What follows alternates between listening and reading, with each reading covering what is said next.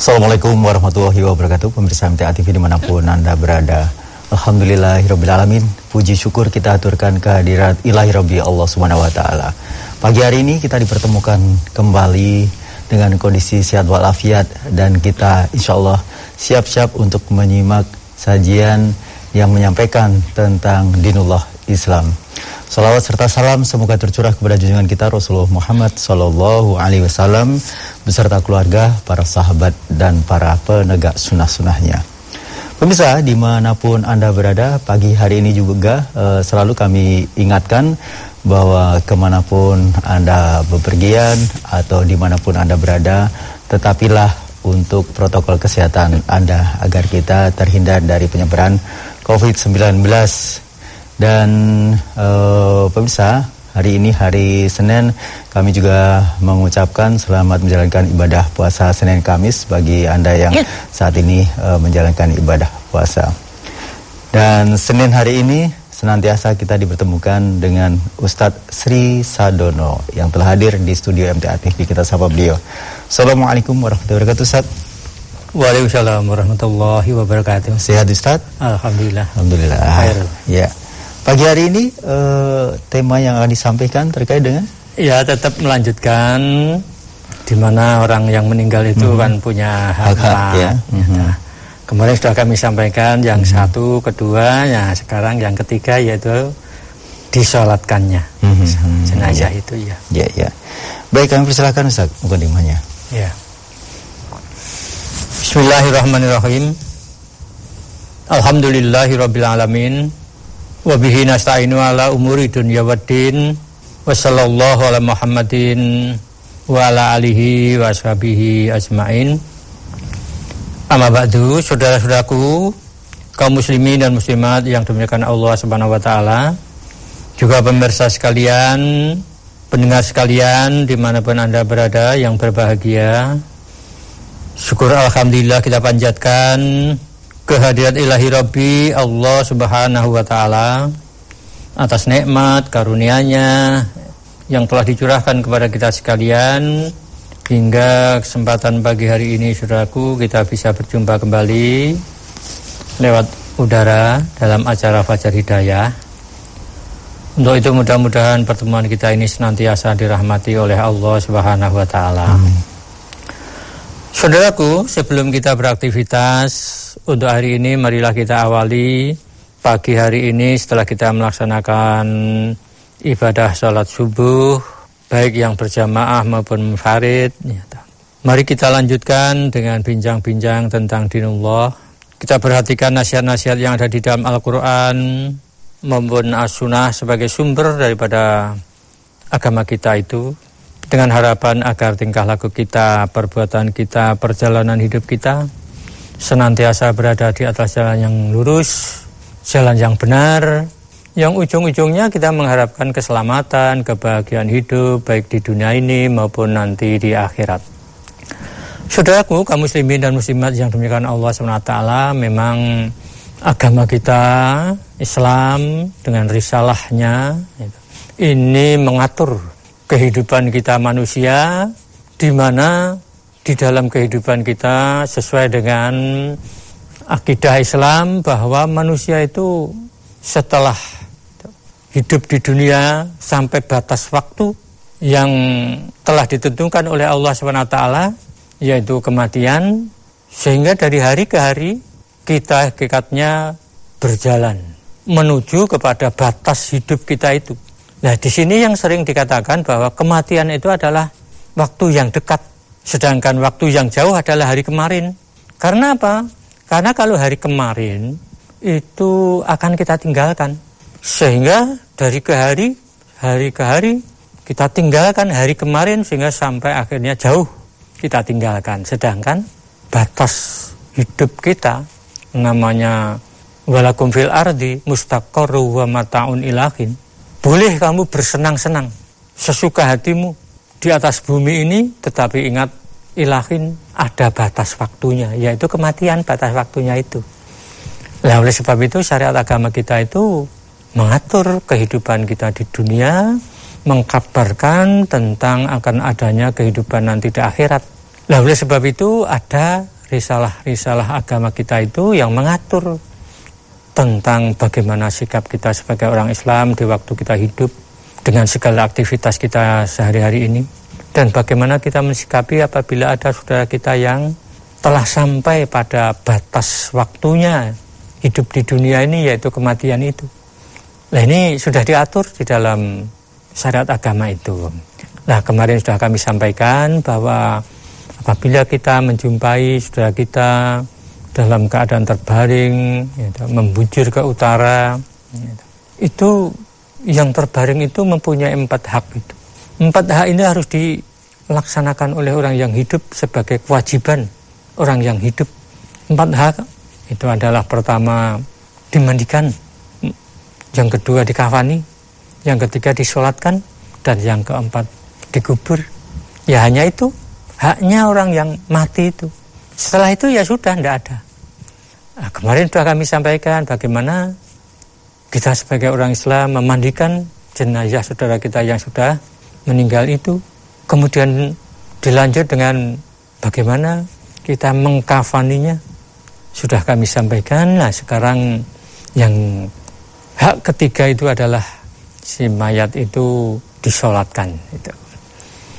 Nah sholat jenazah ini saudaraku itu kalau menurut hukumnya itu fardu kifayah. Artinya apabila di antara kaum muslimin itu sudah ada yang mensolakannya, kemudian yang lain tidak mensolakannya, itu tidak mengapa yang tidak mensolakannya itu. Tetapi apabila di situ ada jenazah orang Islam, sedangkan orang Islam yang lainnya itu tidak mau mensolatkan, lah berdosa semua itu namanya fardu kifayah itu.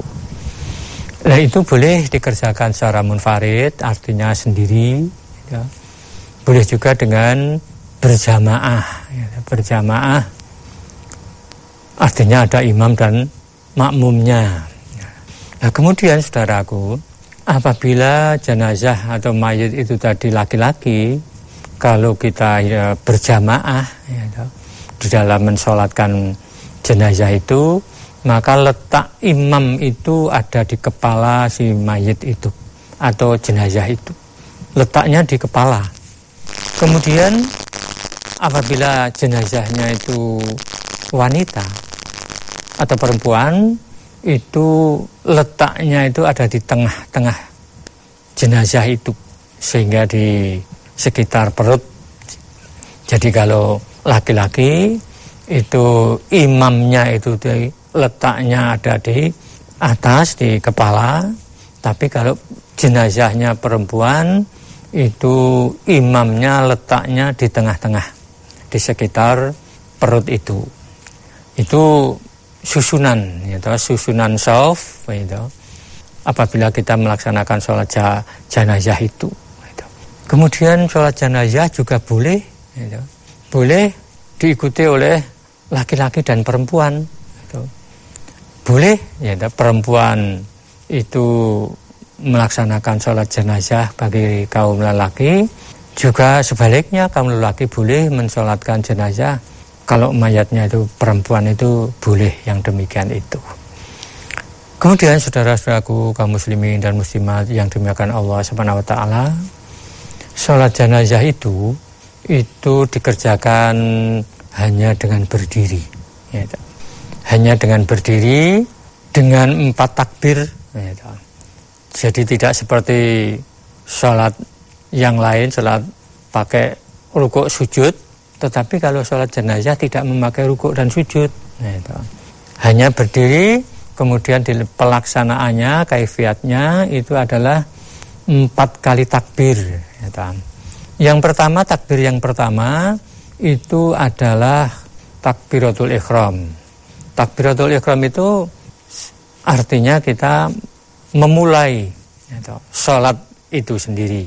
Setelah takbiratul ikhram ya kita terus bersedekah. Ya, Lalu setelah itu kita membaca ta'awud dulu terus al-fatihah itu.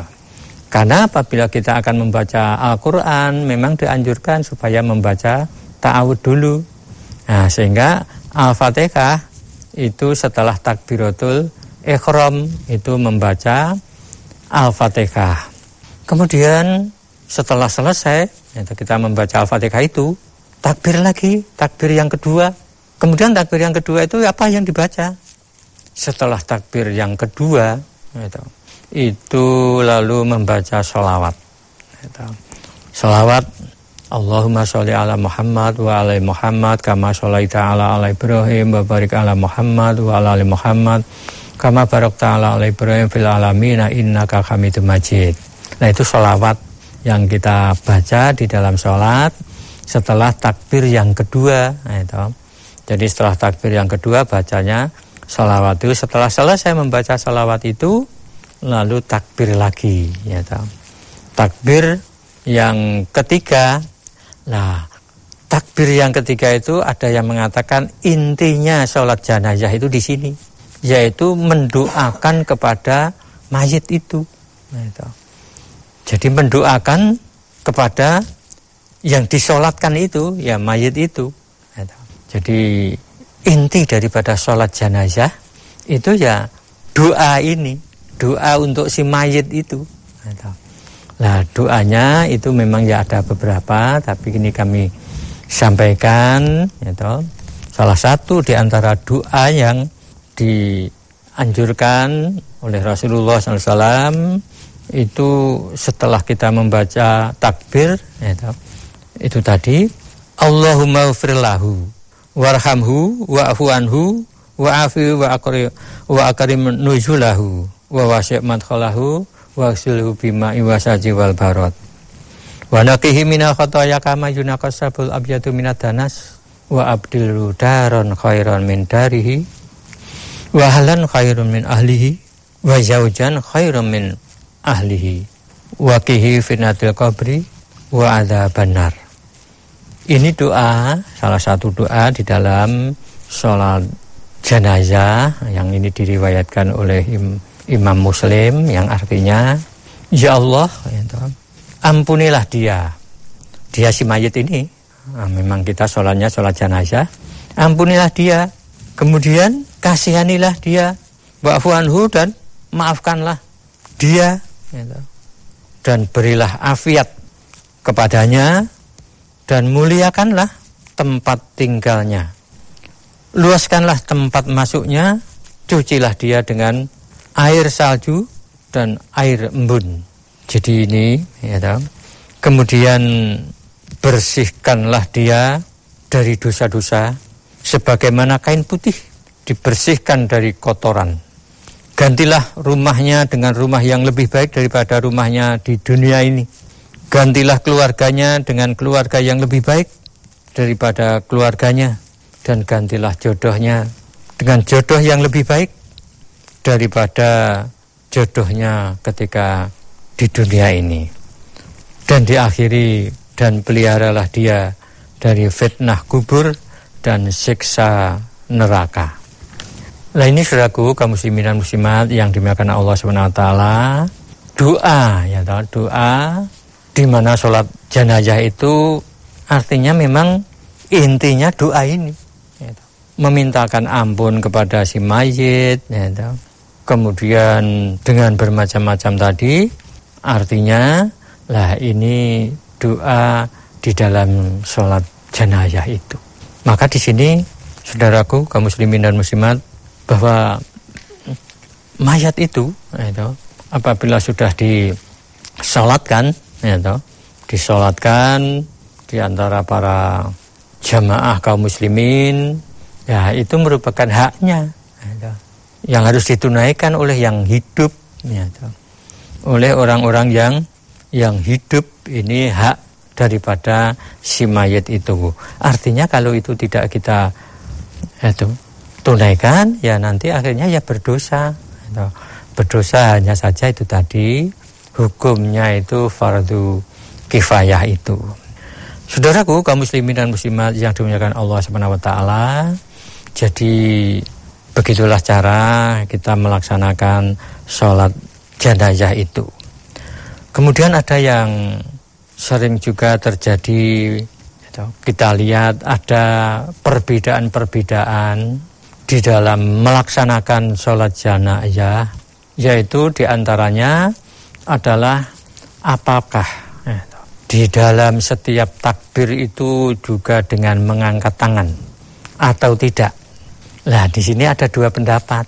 Ya, di sini ada ada dua pendapat bahwa ya, yang pertama pendapat yang pertama itu mengatakan bahwa setiap gitu, takbir ketika takbir itu disertai dengan mengangkat tangan setiap takbir gitu. jadi setiap takbir itu dengan mengangkat tangan itu lah kemudian yang kedua tidak tidak setiap takbir tetapi hanya hanya pada takbiratul ikhram yaitu pada waktu takbir yang pertama itu gitu.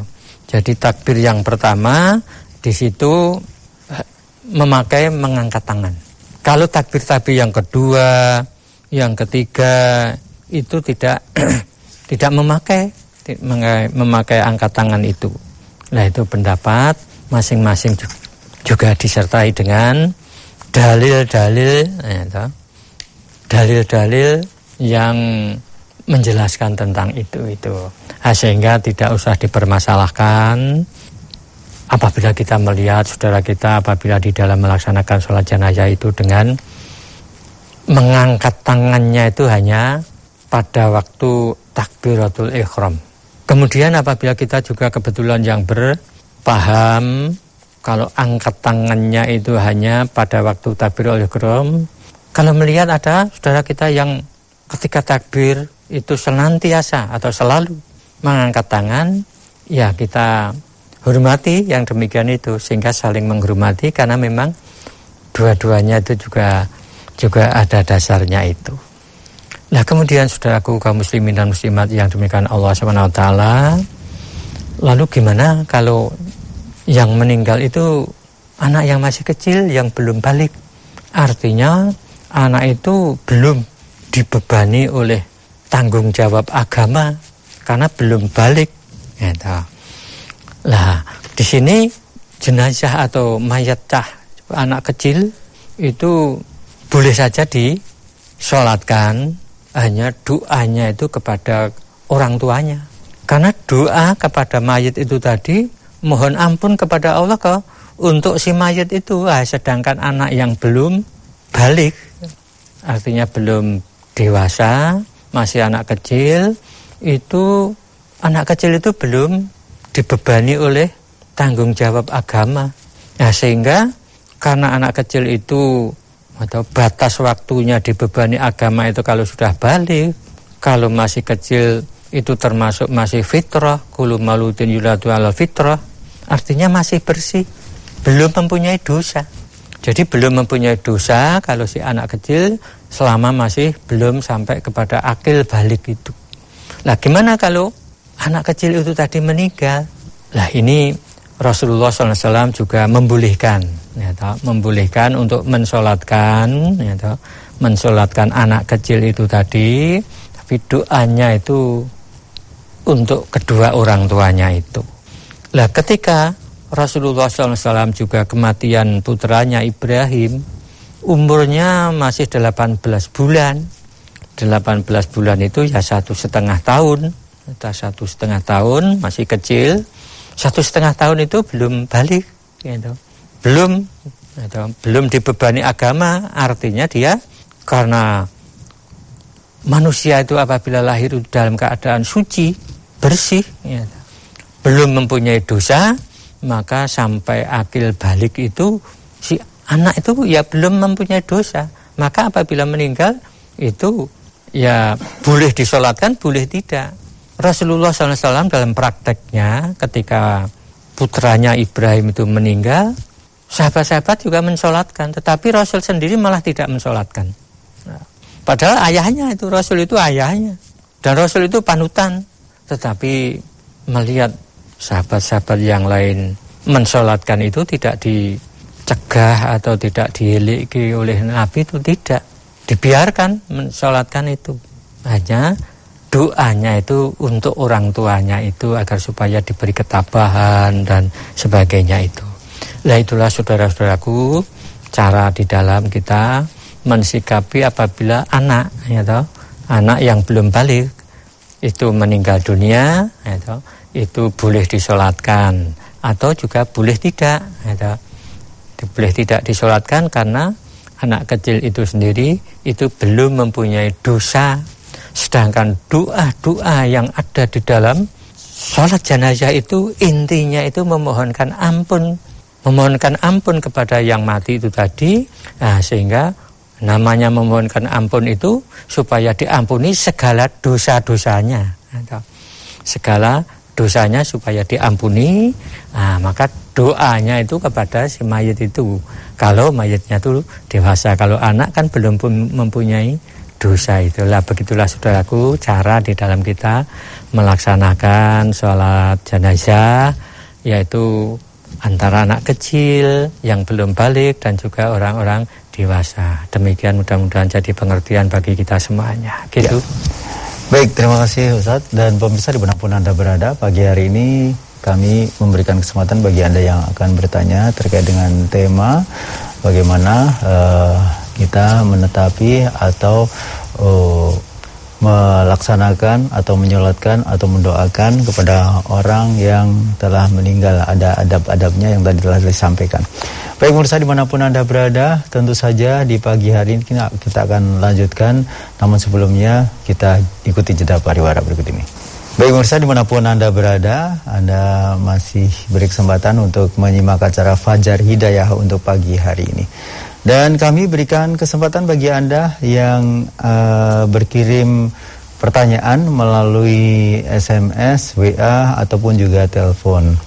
Dan untuk WA dan SMS Anda masih di nomor yang sama di 08112 553.000. Namun untuk pagi hari ini khusus ya, untuk pagi hari ini line telepon ada di 0271 679 4000 ya 0271 679 4000 baik silahkan anda yang ingin uh, telepon silahkan di nomor tersebut. Uh, namun sebelumnya kita masih nantikan telepon. Kita coba buka.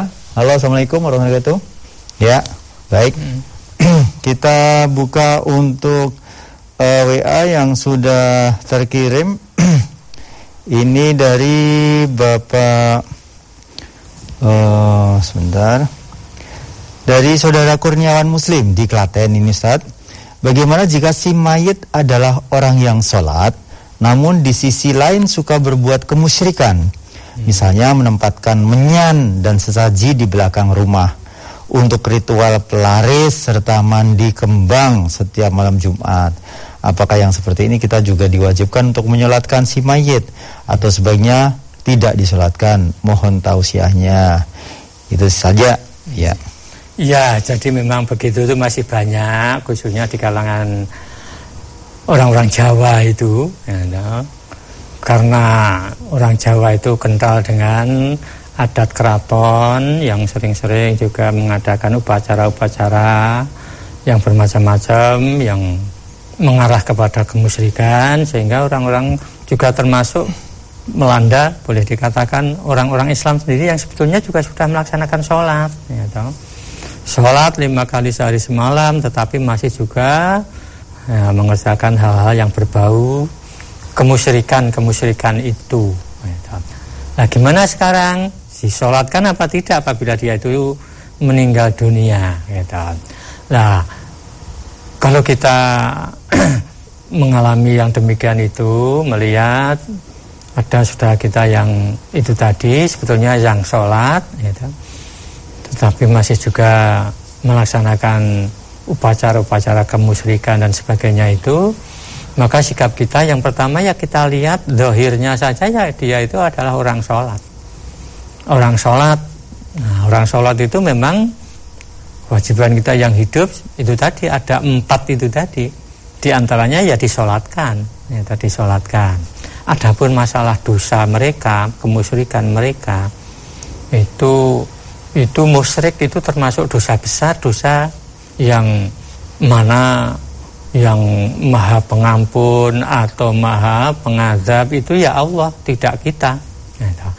Artinya dosa walaupun dikatakan di dalam Al-Quran itu syirik itu adalah merupakan dosa yang tidak diampuni tetapi bukan berarti dia itu murtad keluar dari agama itu ya tidak. Buktinya ya sholat. Buktinya ya masih salat lima kali sehari semalam itu masih salat. Nah, sehingga dia berbuat dosa besar. Gitu. Nah, dosa besar yang dilakukan oleh seseorang itu tadi itu nanti yang maha adil Allah. Di hari hisab nanti nanti Allah. Gitu. Nah, sehingga kita melihatnya secara dohirnya itu dia sholat. Adapun perbuatan-perbuatan mereka itu nanti terserah kepada hisabnya. Gitu.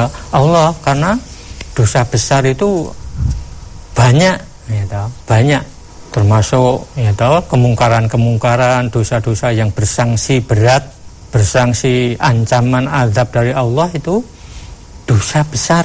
Ada kira-kira 70 dosa-dosa besar yang mana dosa besar itu akan mendapatkan ancaman dari Allah. Tetapi apabila seseorang itu berbuat dosa besar ya itu bukan berarti dia murtad. Bukan berarti dia keluar dari dari agama tidak. Hanya dia memang berbuat dosa besar lah.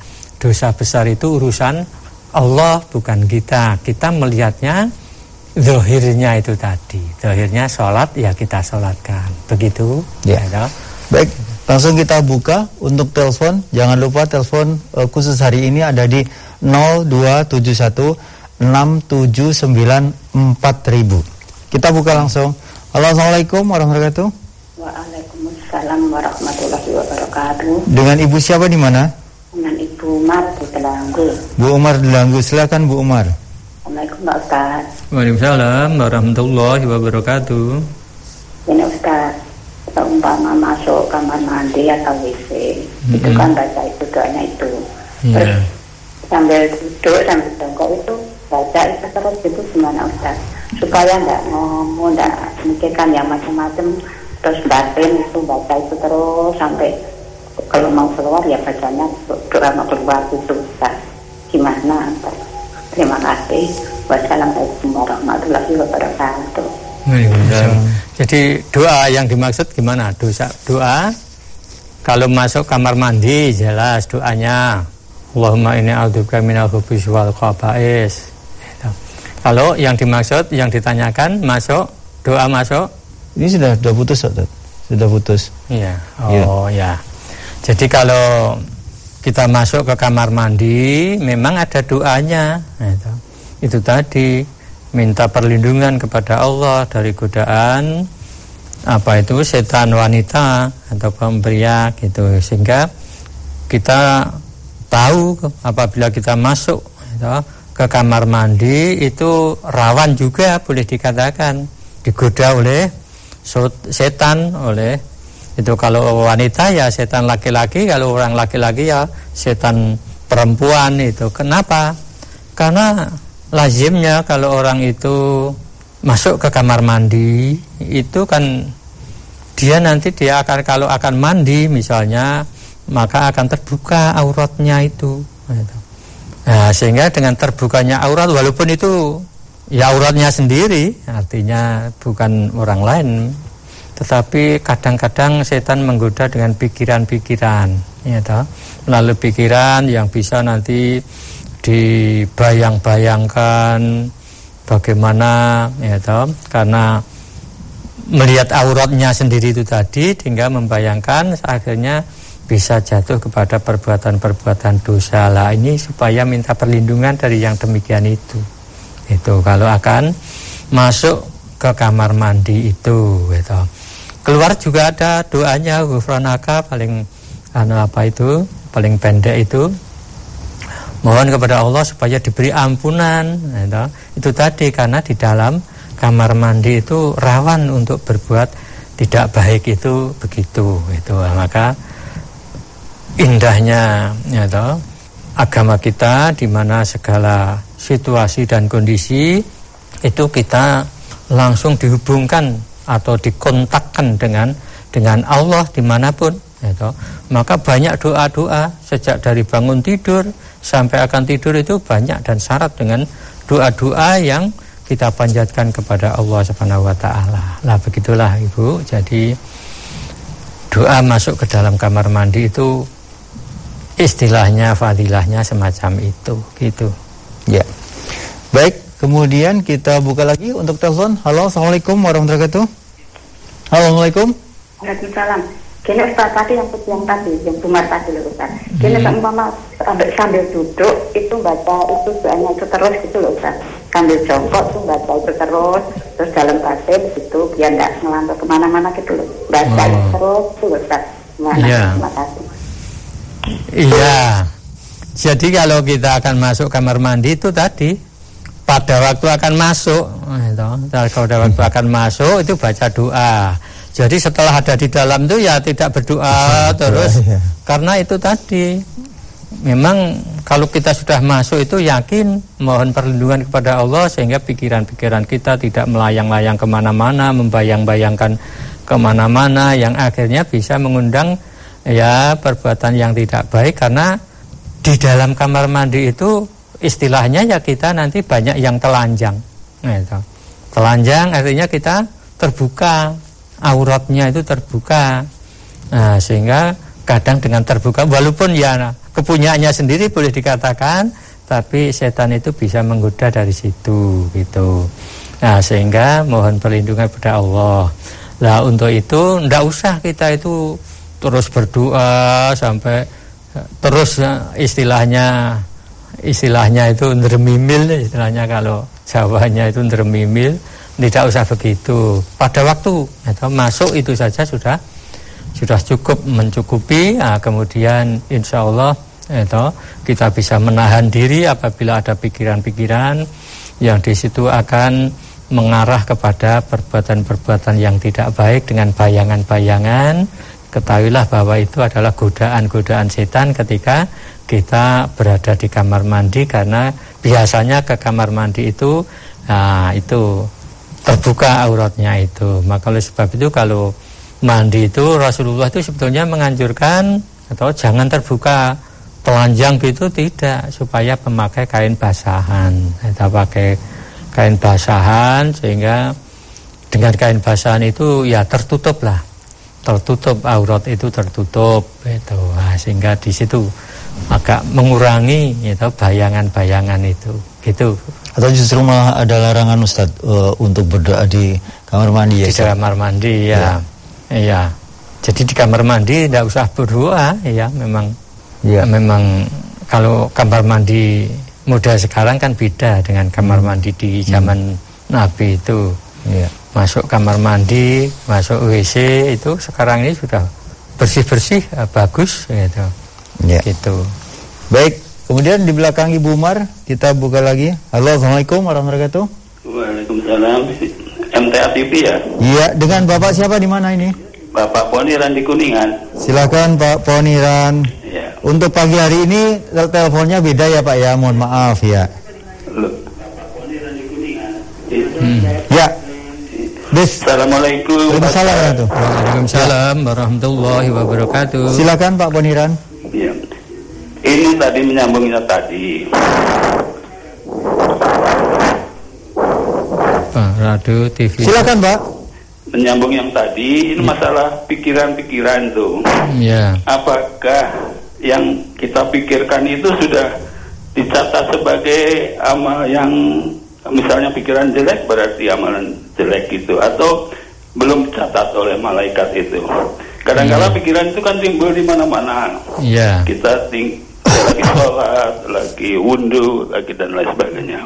Demikian Pak Ustaz. Assalamualaikum warahmatullahi wabarakatuh. Waalaikumsalam warahmatullahi Iya, jadi bayangan-bayangan, pikiran-pikiran itu memang kadang timbul, muncul. Nah, ya, apalagi ketika ya itu tadi ketika kita walaupun itu, miliknya sendiri tetapi terbuka auratnya itu bisa ada bayangan-bayangan, pikiran-pikiran yang mengarah kepada negatif, atau ya itu. Lah sebetulnya pikiran-pikiran yang mengarah kepada hal yang negatif apabila belum sampai mengerjakan sesuatu perbuatan dosa kalau belum itu ndak apa-apa gitu. ndak apa-apa karena Nabi itu mengatakan apabila ada niat gitu, niat untuk berbuat yang tidak baik berbuat dosa itu berbuat dosa sudah niat tapi belum dikerjakan berhenti pada niat maka belum dihitung dosa yang demikian itu. Tapi kalau niatnya itu untuk berbuat baik niatnya berbuat baik belum dikerjakan itu niatnya itu sudah mendapatkan nilai pahala dari Allah. Nah, beda. Niat yang ada di dalam hati ketika akan berbuat tidak baik kalau belum dikerjakan itu belum berdosa. Karena masih berhenti pada niat. Tapi kalau niatnya itu untuk berbuat baik gitu. walaupun belum dikerjakan belum nah itu sudah mendapatkan pahala nah bedanya maha pemurahnya Allah sampai semacam itu. Nah, sehingga kalau di dalam kamar mandi kita membayang-bayangkan dan sebagainya karena memang di dalam diri manusia itu Allah memberi perangkat namanya nafsu ya, nafsu birahi. Ya, apalagi kalau saya masa-masa masih pubertas ingin apa masa remaja ingin nah itu masa-masa yang boleh dikatakan banyak bayangan-bayangan pikiran-pikiran semacam itu gitu. Nah itulah maka sering-sering nah itu Nabi mengatakan sampai-sampai apabila ada seseorang yang karena rangsangan-rangsangan seksual gitu, rangsangan seksual entah melihat entah mau melihat gambar entah mendengar suara-suara dan sebagainya sehingga terangsang seksualnya itu sampai mengeluarkan semacam lendir yang bening dari kemaluan seseorang itu dikatakan dia termasuk orang yang mengeluarkan wadi gitu. wadi itu hukumnya sama dengan kencing gitu hanya keluarnya dari kemaluan itu, itu disebabkan karena terangsang oleh seksual itu tadi.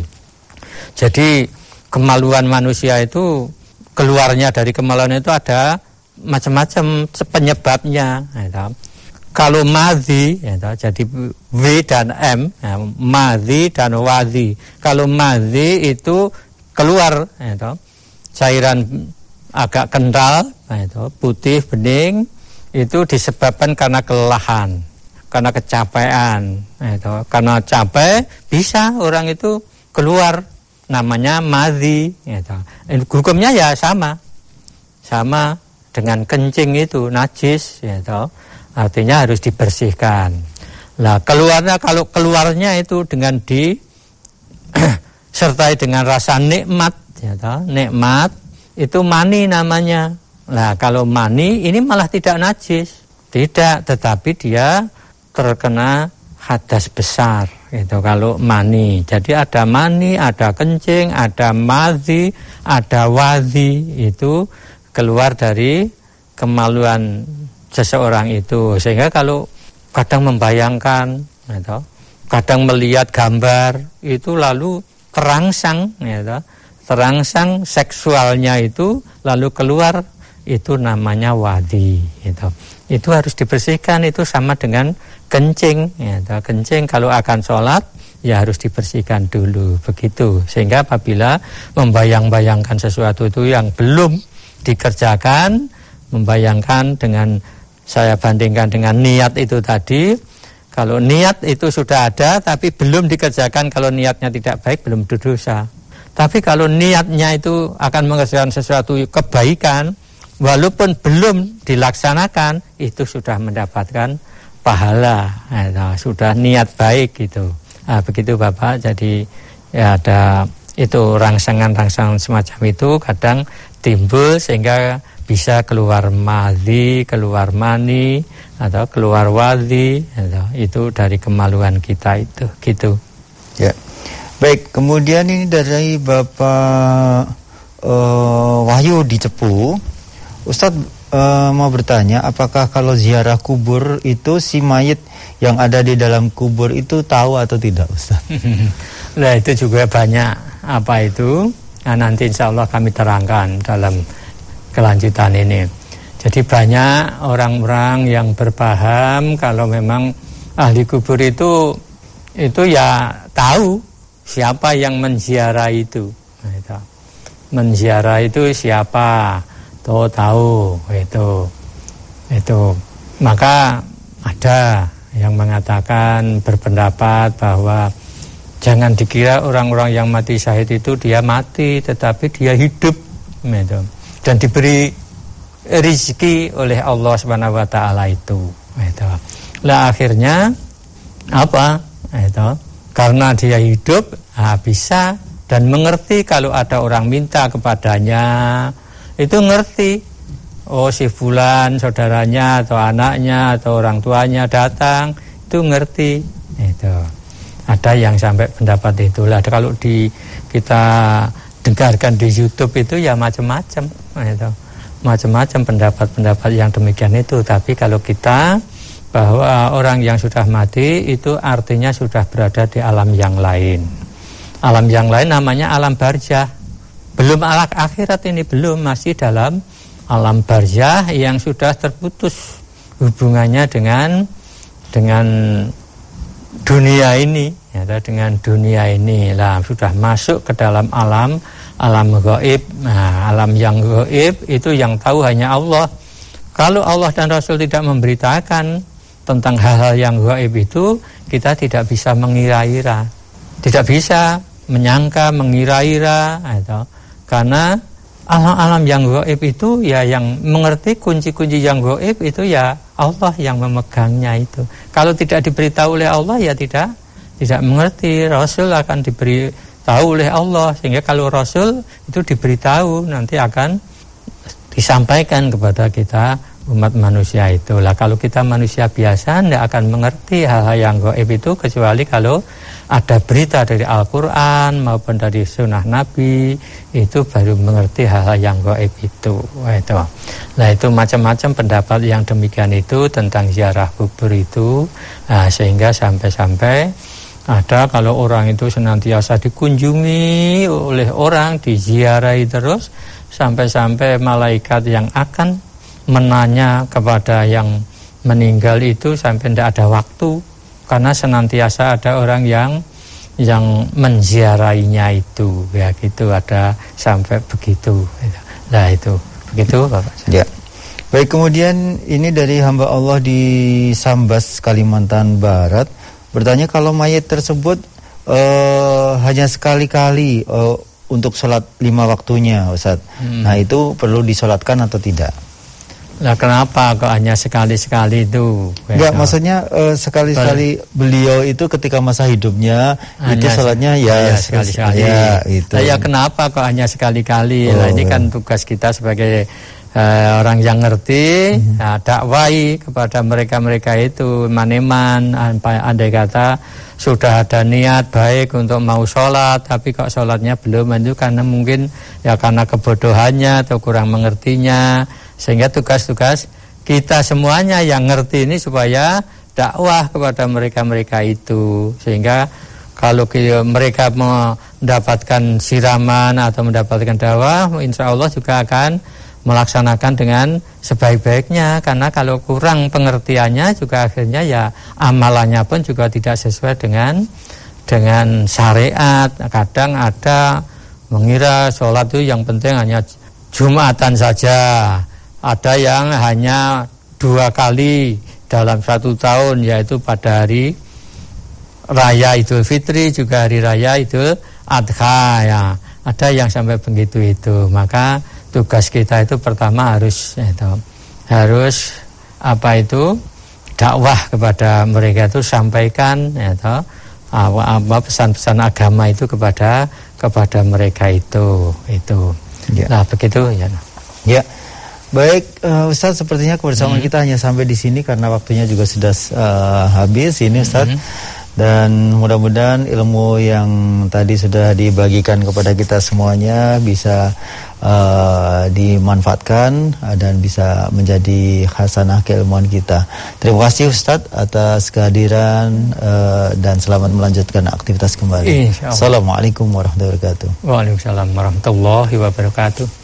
Pemirsa di mana pun Anda berada, hanya sampai di sini sajian Fajar Hidayah untuk pagi hari ini. Insya Allah kita akan bersua esok hari uh, di waktu dan masih tentu saja di MTA TV di channel Fajar, uh, channel terpilih dan acaranya tetap di Fajar Hidayah. Saya Rudi Arfianto, mohon maaf atas segala kesalahan. Alhamdulillahirrahmanirrahim. Subhanakallahumma wa bihamdika. Asyhadu alla ilaha illa anta astaghfiruka. Bila taufiq wal hidayah. Assalamualaikum warahmatullahi wabarakatuh.